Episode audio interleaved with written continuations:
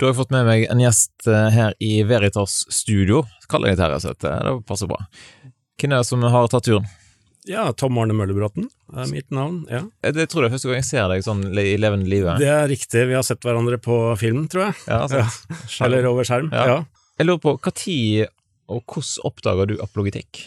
Jeg har nok alltid vært interessert i apologetikk før jeg visste ordet apologetikk. Eh, fra eh, Jeg er 55 år gammel, det vil si at eh, min ungdomstid er på 80-tallet. Eh, jeg eh, var opptatt av å søke svar på spørsmål, eh, både på 80-tallet og 90-tallet. Og apologitikk apologetikk som ord, det, det var jeg egentlig ikke borti før jeg ble ansatt på Sagavold folkehøgskole i 2000. Da fikk jeg spørsmål fra rektor om å undervise i apologetikk. Så da lærte jeg ordet. Men eh, Men konseptet jeg jeg tror ja, hele konseptet har ligget mitt hjerte nær. Jeg, jeg hadde konfirmantundervisning på begynnelsen av 90-tallet som svarte på tro- og vitenskapsspørsmål og sånne ting, så jeg har nok uh, vært der lenge. Ja. Vil du si at apologetikken har betydd for deg personlig? Apologetikken har eh, Den har betydd mye i det at jeg har lov til å stille de vanskelige spørsmålene og være ærlig. Um, selv så har jeg jobba mye med min egen tvil og sånn, og en viktig del av den tvilen har vært å, å egentlig nesten problematisere litt troen, uh, i hvert fall stille spørsmål, og apologetikken tar spørsmålene på alvor, så sånn sett så har det vært en viktig bit. Men det er ikke apologetikken alene som har vært viktig for meg. Eh, oppbyggende litteratur, bibelundervisning og eh, ja, det er mye som har vært viktig, men apologetikken har vært viktig for å svare på spørsmålene som jeg har stilt. Ja. Mm. Har du noen spesielle bøker eller forfattere som du kan trekke fram og anbefale? Ja, altså Da jeg begynte å undervise i, eh, på, i år 2000, så var jo Stefan Gustavssons bok 'Kristen med god grunn' det var en åpenbaring av en bok, for den, den var veldig godt skrevet. Så har jo han skrevet flere Jesusbøker også, så han er jo en dyktig forfatter, absolutt. Uh, C.S. Lewis er jo da en man hele tiden kommer tilbake til uh, som apologet, og Alistair McGrath og ja, det er eh, Jeg leser mange ulike bøker. De har sine styrker og svakheter, litt avhengig av hvilket tema jeg er interessert i. Er det andre ressurser som du kan tipse folk om? Altså type eh, podkaster eller videoer eller ting du syns er bra?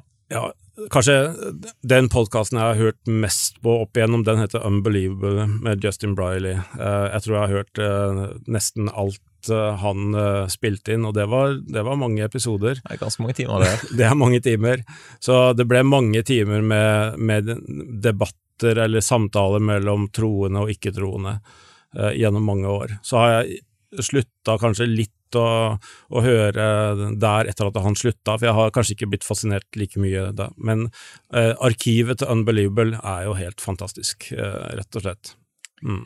Nå er vi på Veritas-konferansen, som har tiårsjubileum i år, og det er rekordmange som er påmeldt. Eh, Hva betyr Veritas-konferansen for deg?